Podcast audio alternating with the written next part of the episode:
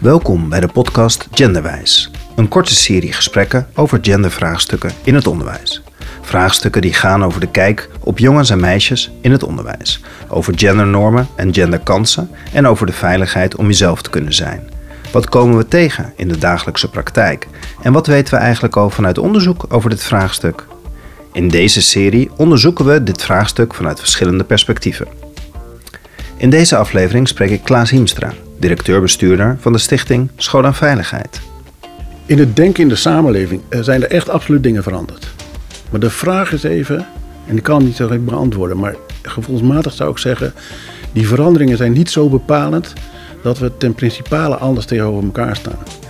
Dat er meer vrouwen in het onderwijs werken, dat er meer vrouwen in de volksgezondheid werken, is eigenlijk heel traditioneel. De podcast Genderwijs is een initiatief van Stichting School en Veiligheid in aanloop naar de onderwijsconferentie Genderwijs op 14 oktober 2020. Voor aanmeldingen of meer informatie ga naar www.schoolenveiligheid.nl/slash genderwijs. Welkom Klaas in de podcast. Dank je. We zitten in Utrecht op jullie kantoor Ja. van Stichting School en Veiligheid. Ik ben allereerst benieuwd, kan je even kort vertellen, wat is de stichting en wat is het doel van deze stichting? De stichting is eigenlijk een, een club mensen die zich eh, bezighoudt met de eh, sociale veiligheid in het onderwijs. En probeert scholen te ondersteunen om te zorgen dat er een veilig klasklimaat is, dat kinderen zich fijn voelen. En is zich heel erg bewust van het feit dat dat soms niet goed gaat. Dat er kinderen pesten, kinderen doen dingen die, eh, maar die effecten hebben op andere kinderen die eh, niet leuk zijn. En dan verwacht je ook, verwacht iedereen, dat in het onderwijs er hele wijze mensen, professionals zijn, die kunnen zeggen, ho, wacht even, dit gaan we even anders doen. Nou, wat hebben die professionals nodig om dan de goede interventies te kunnen plegen? Om te zeggen, joh, we gaan het anders doen. Fouten kun je maken, maar van fouten kan je ook leren. Maar soms dan zijn die verschijningsvormen zodanig dat eh, ook die professional denkt van wat, wat overkomt me nou, wat ga ik dan nou krijgen? Dus als tegen de tijd dat de kinderen eh, bewapend op school komen en daar ook nog andere kinderen mee naar het leven gaan staan, dan eh, heb je even niet repertoire. Dan wordt het toch een beetje gek. En alleen maar roepen van dit mag niet, gaat dan niet werken. Nou, dat zijn wij, daar zijn wij over aan het nadenken. En dat heeft iets heel geks, want je denkt altijd na over het, gaat over sociale veiligheid. En ondertussen denk je dus ook aan verschijningsvormen die altijd over onveiligheid gaan. En tegen de tijd dat je gesprek met professionals hebt over onveiligheid, dan wordt iedereen daar helemaal moe van en vervelend van. Want het is gewoon niet leuk om over onveiligheid na te denken. Dus waar wij heel erg ons best voor doen om eens te laten zien dat je op die verschijningsvormen kan reageren en dat het ondertussen gaat over veiligheid. En dat je zelfs eh, daar een opdracht in hebt om die kinderen daar goed in mee te nemen.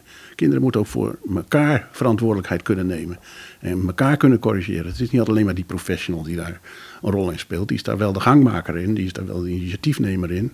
Maar het gaat over kinderen die leren. En dan snapt iedereen weer van, oh ja, wacht even. Daar, daarom waren we in het onderwijs, per slot van rekening. Kinderen leren, worden groot. En hoe lukt het jullie om in gesprek te gaan met het onderwijs of een bijdrage te leveren aan het onderwijs? Dat kan doordat we. Een heel, deel loopt vrij passief eigenlijk. Hè, via websites, via eh, publicaties, via eh, allerlei dingen. Maar het leukste is natuurlijk om gewoon professionals tegen te komen. Dus in workshops, in trainingen, in, eh, in gesprekken met scholen. In, nou, het gewoon op gaan zoeken. Als er weer wat geks gebeurt, waarom gebeurt dit nu? En daar maar gesprekken over te voeren. En verder hebben we het grote voorrecht als een soort spin in het web te zitten. Dus we hebben niet alleen maar een opdracht naar, naar professionals in het onderwijs, naar scholen toe. Maar we hebben natuurlijk ook contact met de besturen, met de besturenorganisaties, met het ministerie, met andere eh, landelijke organisaties, eh, met lokale en regionale organisaties die zich met stukjes van sociale veiligheid bezighouden. En daarin eh, ja, worden we steeds wijzer en kunnen we steeds die pendel maken van ofwel naar het veld toe of vanuit het veld weer naar die andere beleidsmakers en, en besturen toe. Om te denken van hé, hey, dit zou misschien toch ook een, iets handiger georganiseerd kunnen worden. Dat is ontzettend leuk om op eh, en een voorrecht om op die positie te zitten. Nou is er 14 oktober een conferentie die gaat over gendervraagstukken in het onderwijs. Ja. Hoe zijn jullie op, die, op, op dat vraagstuk vanuit jullie stichting gekomen? Nou, dat was. We hadden een gesprek met het ministerie van Onderwijs. En uh, dat op, op, opeens vielen er allemaal stukjes op hun plek. We hadden ook al gesprekken met de MBO-raad gehad over hoe moeilijk het is als meisjes in echte mannenberoepen uitkomen. dus een, een, meisje wat uh, automonteur wilde worden. Dat klinkt heel, heel, heel stereotyp eigenlijk als je er zo'n voorbeeld neemt. Maar in dit geval, wat indrukwekkend wat het meisje dan tegenkomt om dan toch door te zetten. En als enige in zo'n groep te zitten. En waarbij ook die, dat, die mbo-instelling eigenlijk niet zo goed wist of ze daar nou dat kindje, dat, dat meisje een lol mee zouden doen om dat, zo te, om dat toch maar zo door te zetten. Dus dat was, er zaten een aantal van dat soort verwonderingen waarvan je dacht, hé, hey, hoe zit dat eigenlijk? Het, bij het departement werd dat ook herkend. Dus die, uh, daar was een discussie over uh, hoe kan het nou dat vrouwen minder in topposities terechtkomen. Waarbij je dus ook iets hebt van misschien moet er dan al vanaf het begin ook wat anders op een andere manier in die meisjes geïnvesteerd worden en in jongens geïnvesteerd worden. Maar wat dan? En hoe dan? Dus daarmee kwam de vraag naar voren van in welke mate speelt het onderwijs een rol in het vormen van kinderen die met als uitkomst heeft dat meisjes toch echt een andere richting kiezen dan jongens kiezen. Dus in, in welke mate is er sprake van gendergelijkheid? Toen was de volgende vraag: waarom zou de Stichting School en Veiligheid zich daar nou mee bezighouden? Want wordt het per se onveilig als het anders moet? Nou, dat aspect zit er een klein beetje in. dus als, als je als meisje uh, tegen de klippen op uh, zich uh, je onder de jongens begeeft, dan wordt het soms niet veilig. Dan is dat voelt niet goed. dus daarin zitten wel aspecten die sociale veiligheid raken. Maar het zit ook aan, als het gaat over een sociaal veilig klimaat, dan zou je, veronderstel je eigenlijk dat scholen ook in staat zijn om naar kinderen te kijken van, god, wat hebben die nou nodig? Hoe worden die nou groot? En wat kunnen wij daar dan aan bijdragen, zodat dat uh, op een goede manier uh, loopt en die kinderen zich daar ook lang bij voelen? En je kan je afvragen of dat steeds het geval is. Kortom, eigenlijk was het, viel er op die, in die gesprekken een aantal dingen op hun plek. En toen dachten we, we gaan het gewoon doen. We gaan gewoon, maar dan niet omdat wij nou per se de wijsheid in pacht hebben, want die hebben we nog steeds niet. Maar het is wel heel leuk om, uh, om het zo in te zetten dat we het kunnen gaan onderzoeken. Dat we niet een conferentie houden om daar allemaal sprekers uit, uit te nodigen die even uitleggen hoe het allemaal moet in het onderwijs. Maar met elkaar de vraag te stellen, hoe werkt dat eigenlijk? Hoe gaat dat nou eigenlijk? Hoe kijken we nou naar kinderen? En wat levert dat dan op? En hoe onbevangen kunnen we überhaupt kijken? We, zitten, we hebben natuurlijk ons eigen bagage. En dat geldt voor mij ook. Ik kan deze vraag stellen omdat ik geïnteresseerd ben over hoe het loopt, maar ook vanuit de verwondering van wat ik zelf meegemaakt heb. Dus daar zit wel een stukje, nou, dat we dat nu openlijk met elkaar kunnen onderzoeken, dat vind ik echt, dan echt leuk. Ja, echt een open, nieuwsgierige ja, houding. Ja, open, nieuwsgierig. En ik kom dat ook in de, in de gesprekken met de anderen, kom ik dat volop tegen. Dus dat is heel leuk. Kan je dat duiden? Ik, ik zit me even te verbeelden, dat meisje die die dan op een MBO zet en die wil dan automonteur maar worden. En om haar heen wordt er toch een beetje fronsend gekeken, zelfs door, door de opleiding zelf. Is het nou een goed idee? Ik zie dan een meisje die dan misschien op de kleuterschool al gezegd heeft: Ik wil automonteur worden. En dat iedereen denkt: Ja, wat schattig. Maar het gaat niet gebeuren. Kan je dat duiden waarom we dat zo in het onderwijssysteem ingebakken hebben? En, uh, het, is, het is nog erger. We hebben dat niet alleen maar in het onderwijssysteem ingebakken. We hebben, dat zit eigenlijk dat zit in de, in de hele samenleving. Ik bedoel, je hoeft, het gaat niet alleen over die opleiding die het wel of niet goed doet. Het gaat ook over hoe kijken ouders naar hun kinderen. Hoe, kijken, hoe kijkt de buurt naar, uh, naar kinderen. En daar veranderen dingen in. Er is wel degelijk sprake van gelijkwaardigheid. Want niemand zal zeggen dat de een minder waard is dan de andere. Maar het is, niet een, het is in elk geval geen gelijkheid, laten we het zo zeggen. Dus we doen niet dezelfde dingen. En ik denk ook dat je uh, dat al vanaf heel jong je bijna wordt ingepeperd dat je daar niet per se iets te kiezen hebt. En daar zit wel iets geks. Of geks. Dat is in de samenleving zo hardnekkig ingebakken dat je je af kan vragen of je daar überhaupt verandering aan krijgt en of die verandering in het onderwijs moet beginnen. Dus dat is wel een zoektocht die we hebben. Maar moet je even bedenken dat toen, ik ben van de generatie van vlak na de oorlog. De Tweede Wereldoorlog bedoel ik in dit geval. Dus in de vijftiger jaren, uh, mijn ouders waren blij dat ze uh, met elkaar konden trouwen, omdat er een huis was. Tot die tijd kon je ook niet trouwen, want er was niet een gezin te vormen. Dus de hele mindset was, wij vormen een gezin op het moment dat er een huis is.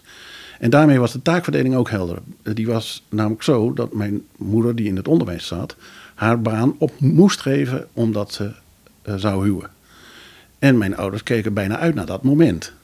Dus een eigen gezin vormen. Waarbij ik denk, achteraf gezien, mijn moeder zich nooit gelukkig gevoeld heeft in het, in het feit dat zij daarmee haar lot huisvrouw zou zijn.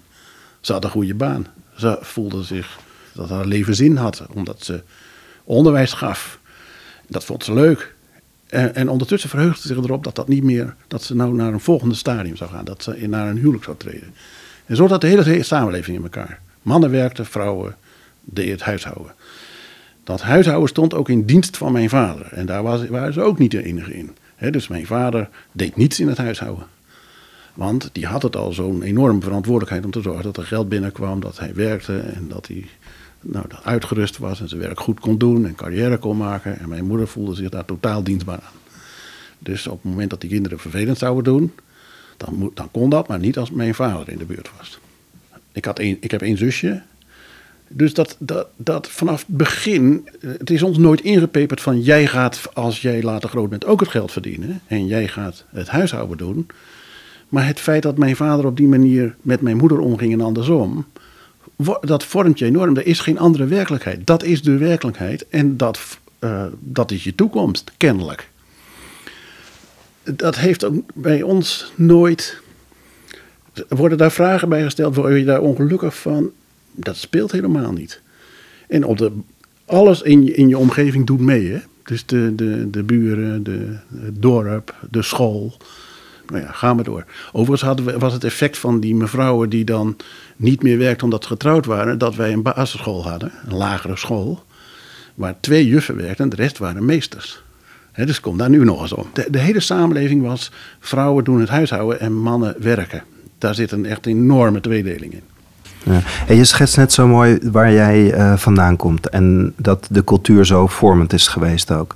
Is dat iets waar het onderwijs nog ook in vastzit eigenlijk? wordt het nog steeds eigenlijk bepaald.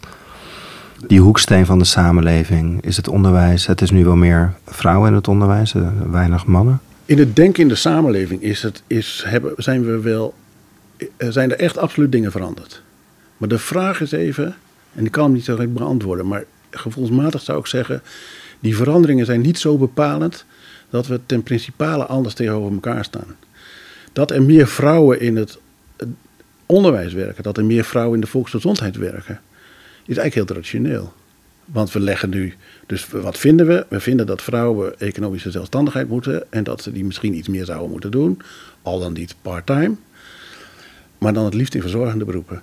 En dat niet omdat we dat moet, maar dat ligt het meest voor de hand. Dus wat zie je? Heel veel vrouwen in het onderwijs, heel veel vrouwen in de volksgezondheid. Ineens zien we met een coronacrisis dat die vrouwen op ongelooflijke cruciale posities zitten. En als zo gauw er een debat is, wat, hoe waarderen wij die functies dan? Zijn die dan minstens zo belangrijk?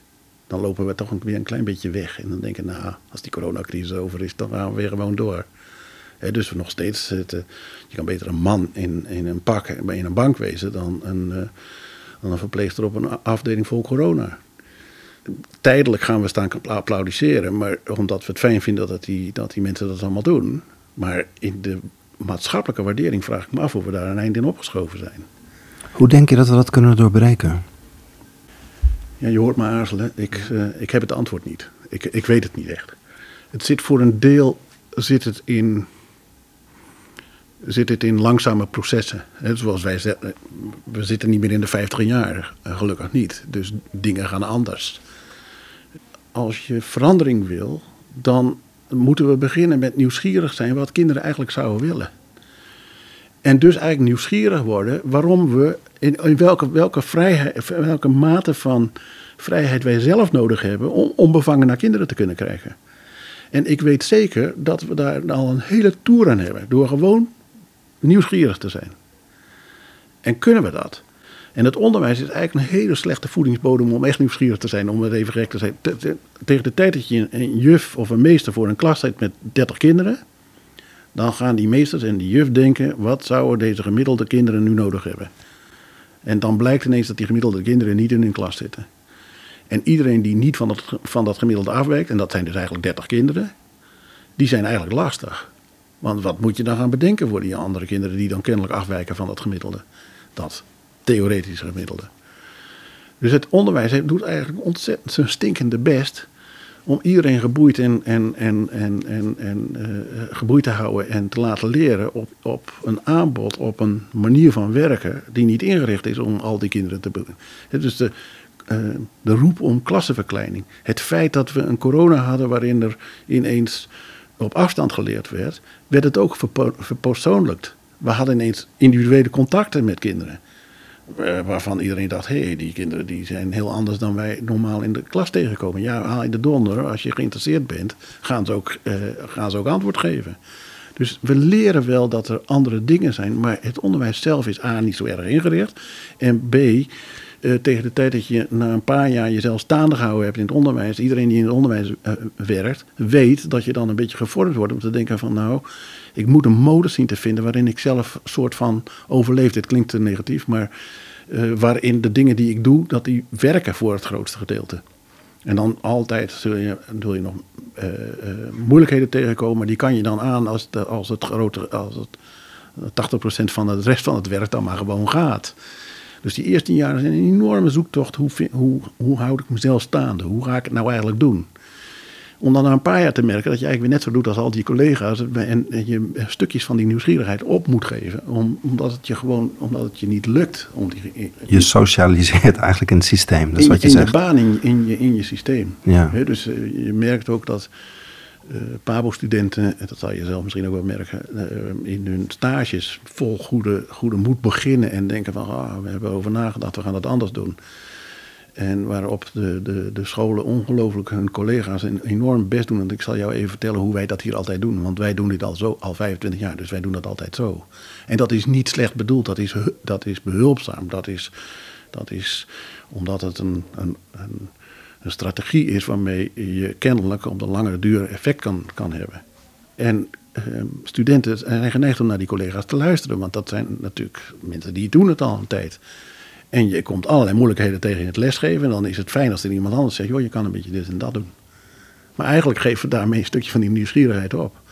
Dus je, wij spraken een student en die zei: ja, na drie maanden dan loop je helemaal mee. Ben je helemaal kwijt waar het over wat je zelf bedacht had. Niet per se, want het is binnen, dat, binnen die systematiek is het, is het heel erg behulpzaam om, de, om zoveel mogelijk nog de goede dingen te blijven doen. Ja, en dat gebeurt natuurlijk ook met kinderen. Hè? Kinderen ja, gaan met kinderen. de eerste drie maanden dat ze aan de kleuterschool gaan, passen ze zich ook aan.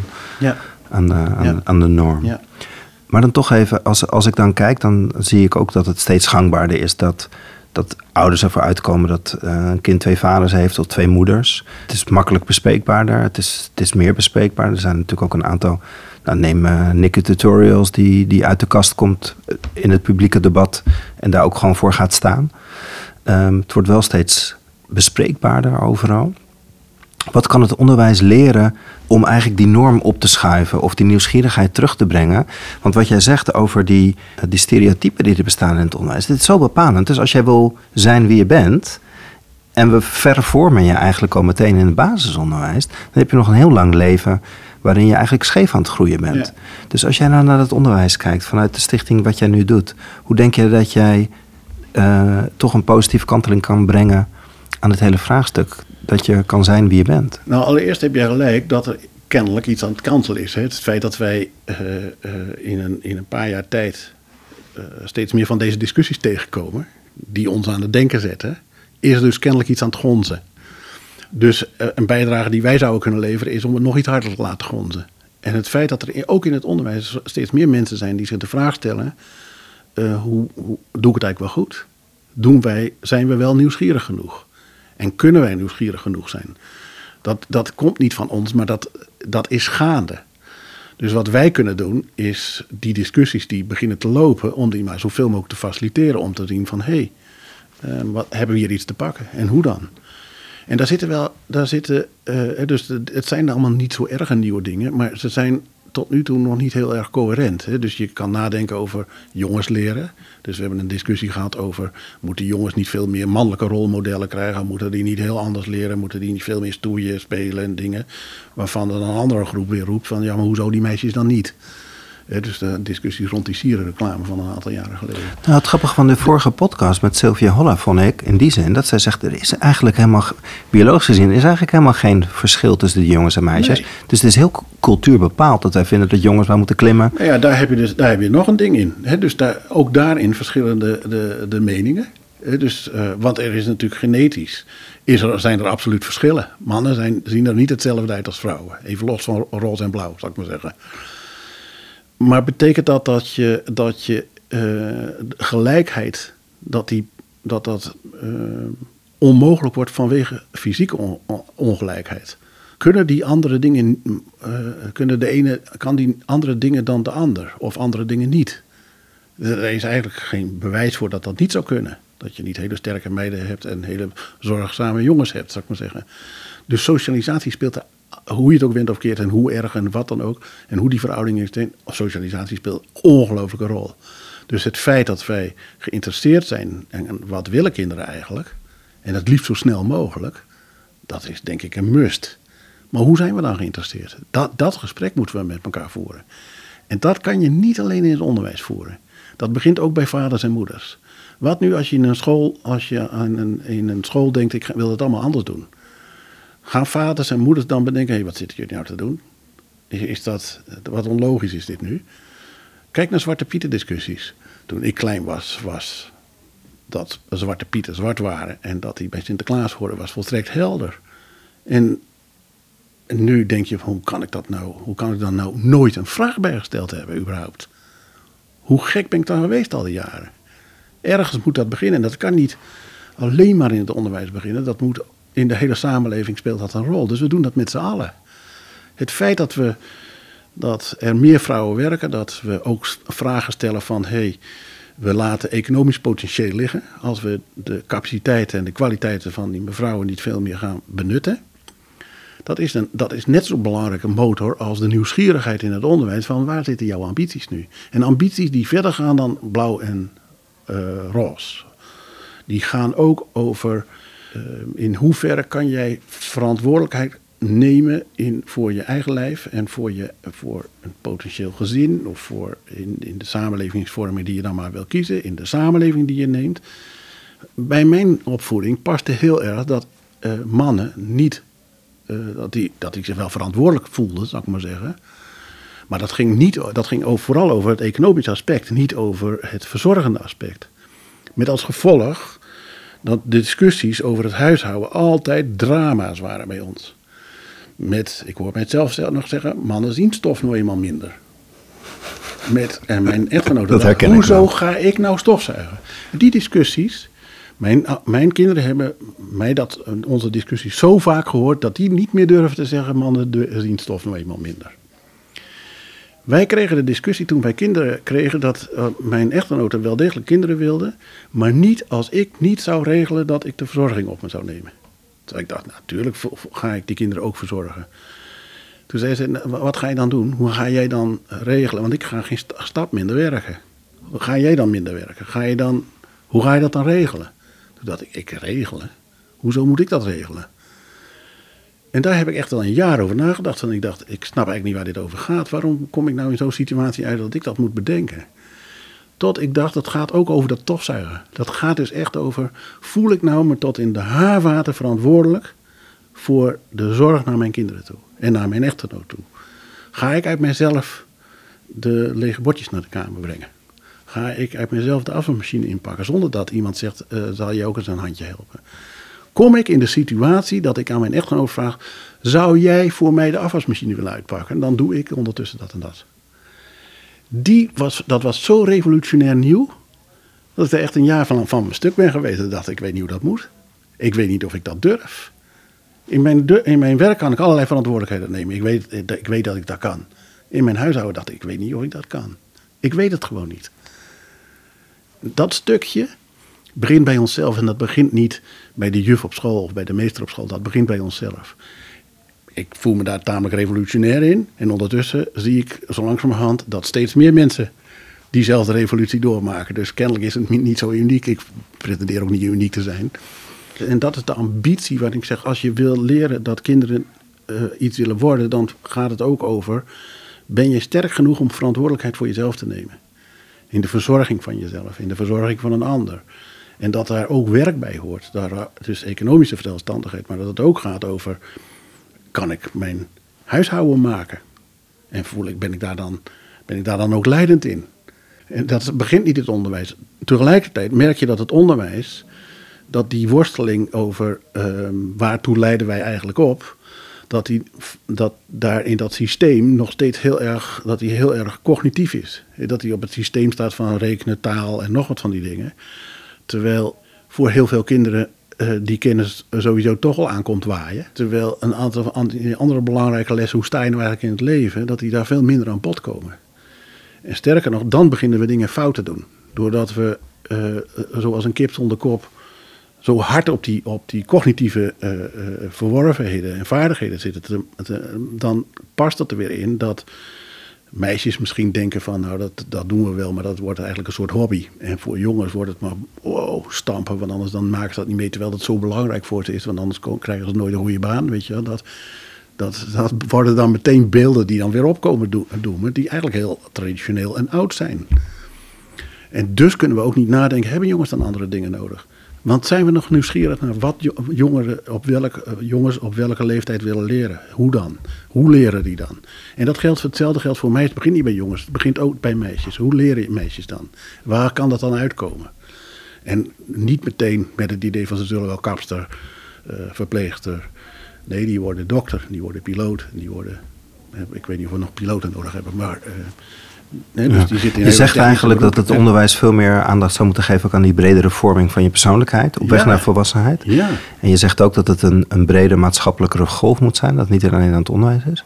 Toch werk je voor Stichting Schoon en Veiligheid. Dus wat kan het onderwijs eigenlijk leren of op welke golf moet hij meesurfen om het goed te doen voor de komende generaties? Nou, dat begint bij inderdaad uh, verwonderd te zijn naar jezelf en naar wat je in de klas ziet. En uh, de erkenning, en daarom uh, is het belangrijk dat we die conferentie organiseren. Dat we laten zien dat ook uh, vanuit het ministerie van Onderwijs het niet, niet gek gevonden wordt dat mensen erover nadenken.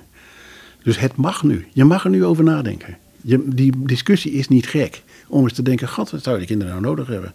En hebben de antwoorden nou niet? Dat moet, die moeten we gaan vinden, die moeten we gaan zoeken. Ik voel me bevoorrecht dat ik mee mag helpen zoeken. Want ik weet het ook niet precies. Maar, maar ik weet dat het begint bij elkaar de vraag te stellen. Nou, waar ben je zelf nieuwsgierig naar op die dag? Ik zou heel erg gelukkig worden als we elkaar gunnen dat we niet alleen maar over taal en rekenen hebben. En dat we het heel erg kunnen hebben over, god wat leuk dat kinderen leren. Dat, kind, dat kinderen zoeken. Dat die uh, dat misschien ook niet weten. Uh, en, en, en zouden we dat kunnen stimuleren dat ze het nog even niet weten. Nou, dat, dat zit voor mij, dat zou, daar zou ik echt heel blij van worden. Dus als die, maar Klaas, nog een beetje een lage ambitie vind ik eigenlijk. Want ik denk dat de mensen die naar deze dag komen niet met taal en rekenen in hun hoofd vertrekken. Die kijken toch al vanuit stereotypen. Hoe kijken we naar kinderen? Wat, wat, wat doen wij in ons handelen waarin we misschien op een vooroordeel zijn? Ik hoop dat die mensen die naar die conferentie komen... Ik hoop eigenlijk dat dat mensen zijn die er al over nagedacht hebben. Dus dat naar hun niet de oproep van uh, kom en stel je nou eens helemaal open, want dat hebben ze voor over. Het, is een bevoorrecht gezelschap en ik hoop dat dat steeds meer wordt. Ik hoop ook dat we bij die mensen de discussie kunnen voeren van. En als dat nou een klein beetje uh, zou kunnen veranderen in het onderwijs, waar begint dat dan? Om die vraag die jij nu naar mij stelt, om die op die conferentie nog een keer te stellen. En ook te laten zien dat er sommige mensen al lang uit een ander vaatje tappen. En te zien wat daar nou voor reflecties achter zitten. En uh, zodat we daarmee nog verder kunnen, wat mij betreft, houdt het, nou, het gesprek niet op naar die conferentie. Wat mij betreft, de conferentie en de weg naar die conferentie. Uh, daar horen dit soort gesprekken bij, anders hadden wij elkaar nooit ontmoet. Dus nee. Dus het, het, is ja. alleen maar leuk dat je steeds meer mensen tegenkomt, dat je die, die cirkel waarin deze discussie uh, uh, plaatsvindt, dat je die steeds groter kan maken. En de conferentie een start kan laten zijn om ook mensen die dat, dat denken van, hey, je ziet nu dat het anders kan. Het is niet per se allemaal in beton gegoten. Je, kan, je hoeft niet allemaal dus, uh, naar gendergelijkheid te krijgen in, van die stereotypen. Het gaat ook niet over roze en blauw. Het gaat ook niet over meer vrouwen alleen maar in mannenberoep. Het gaat over de zet erachter wat je in het onderwijs kan stimuleren dat kinderen nieuwsgierig blijven. En wij geïnteresseerd zijn in wat die kinderen voor ambities hebben en, en, en op welke manier we die nieuwsgierigheid kunnen bevorderen. En daar hebben we zo langzamerhand ook wel mensen die daar ervaring mee opgedaan hebben, die het geprobeerd hebben. En, en onderzoek naar gedaan hebben, zoals jij ja. Uh, Sylvia hebt geïnterviewd. Ik ben nog wel even benieuwd, want uh, je spreekt veel over um, de vorming van mensen en het, het, het, sociale aspect. Het woord veiligheid heb je nog eigenlijk niet gebruikt. En jullie heten wel Stichting School en Veiligheid. Dus kan je me nog even meenemen in het verhaal van genderstereotypen in relatie tot veiligheid?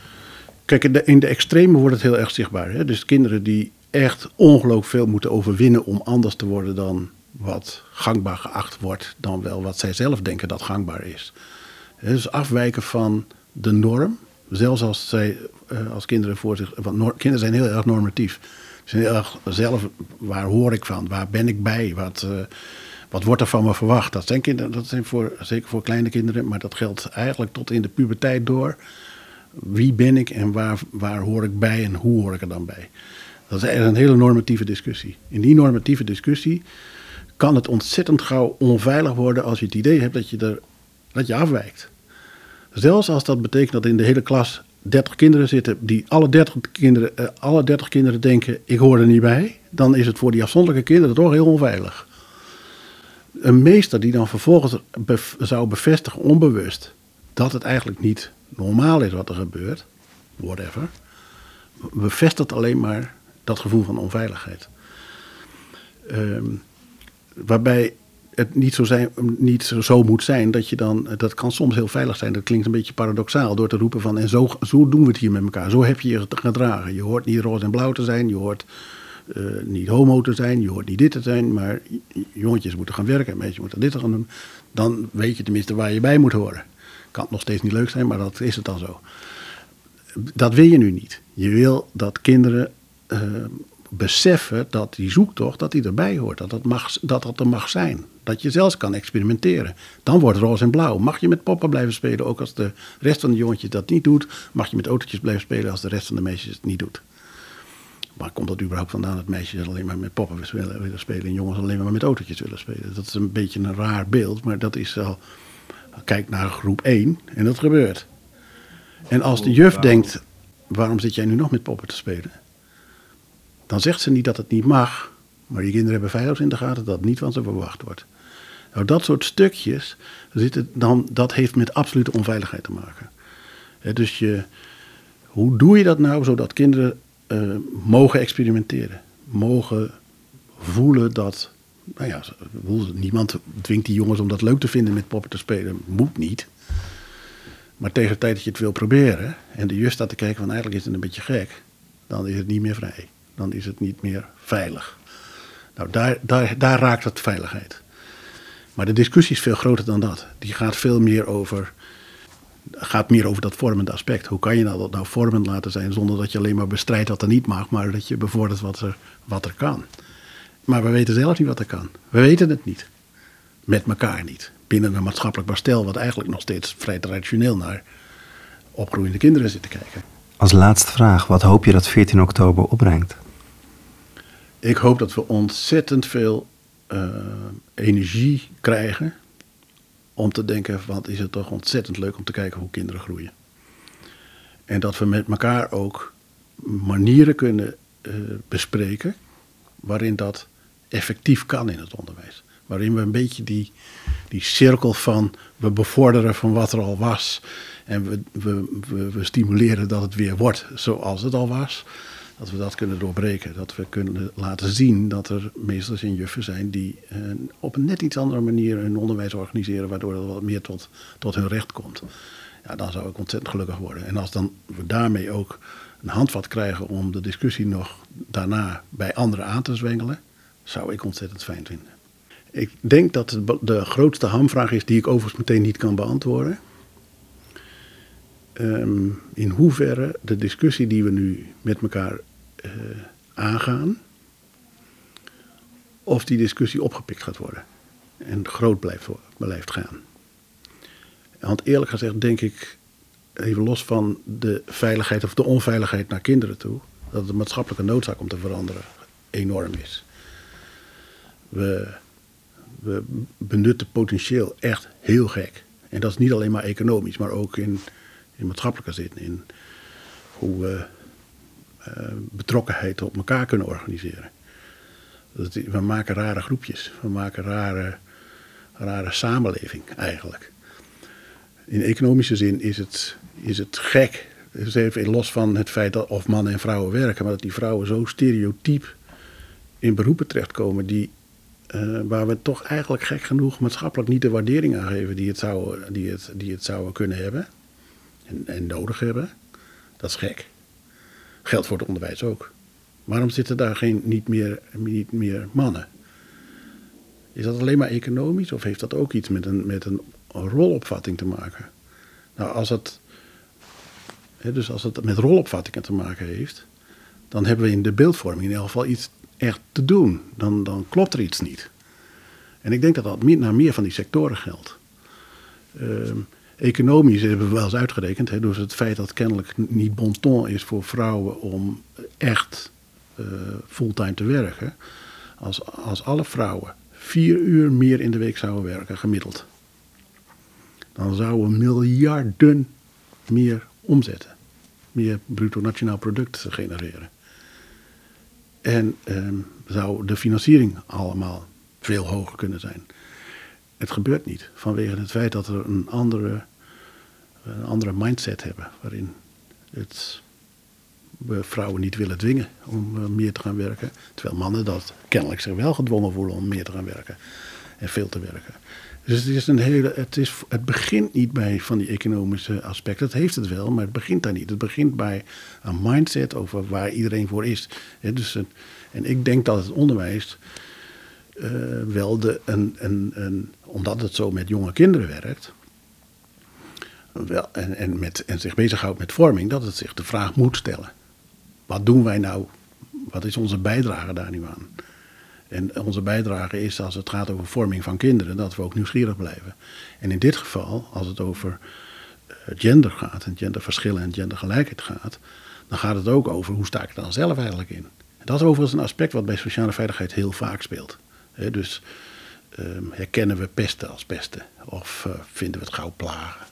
Vinden we het eigenlijk wel grappig? Omdat dat meisje met dat rode haar ook wel heel erg opzichtig rood haar heeft. En vinden we het logisch dat er een grap over gemaakt wordt. Als je dat niet meer bij jezelf mag nagaan, of dat nog klopt, die beelden, uh, en hebben we de ruimte en de, en de, en de, en de, en de vrijheid om daarbij stil te staan. En dat is, bij gender is dat heel erg zo. Je moet over jezelf heen stappen. Je moet eigenlijk beginnen te snappen, waar kom ik vandaan? Waarom kijk ik op deze manier? En eigenlijk is het, dus daar zou ik wat ik voor die conferentie en de discussie daarna heel erg belangrijk vind, dat mensen uh, zich gesteund voelen om, om die vrijheid te krijgen om erover na te denken. Dan worden we er allemaal een stukje wijzer van. En ik weet niet wat de uitkomst is, maar die vrijheid die gun ik ons echt enorm. Mooi einde, Klaas. Dankjewel. Dank je. Deze podcast is eentje uit de podcastserie Genderwijs. De onderwijsconferentie Genderwijs wordt georganiseerd door Stichting School en Veiligheid op 14 oktober 2020. Voor aanmelding of meer informatie neem je een kijkje op www.schoolenveiligheid.nl/slash genderwijs. School en Veiligheid ondersteunt scholen bij het bevorderen van een sociaal veilig klimaat. Like deze podcast of geef een aantal sterretjes mee, zodat meer mensen deze podcast makkelijker kunnen vinden.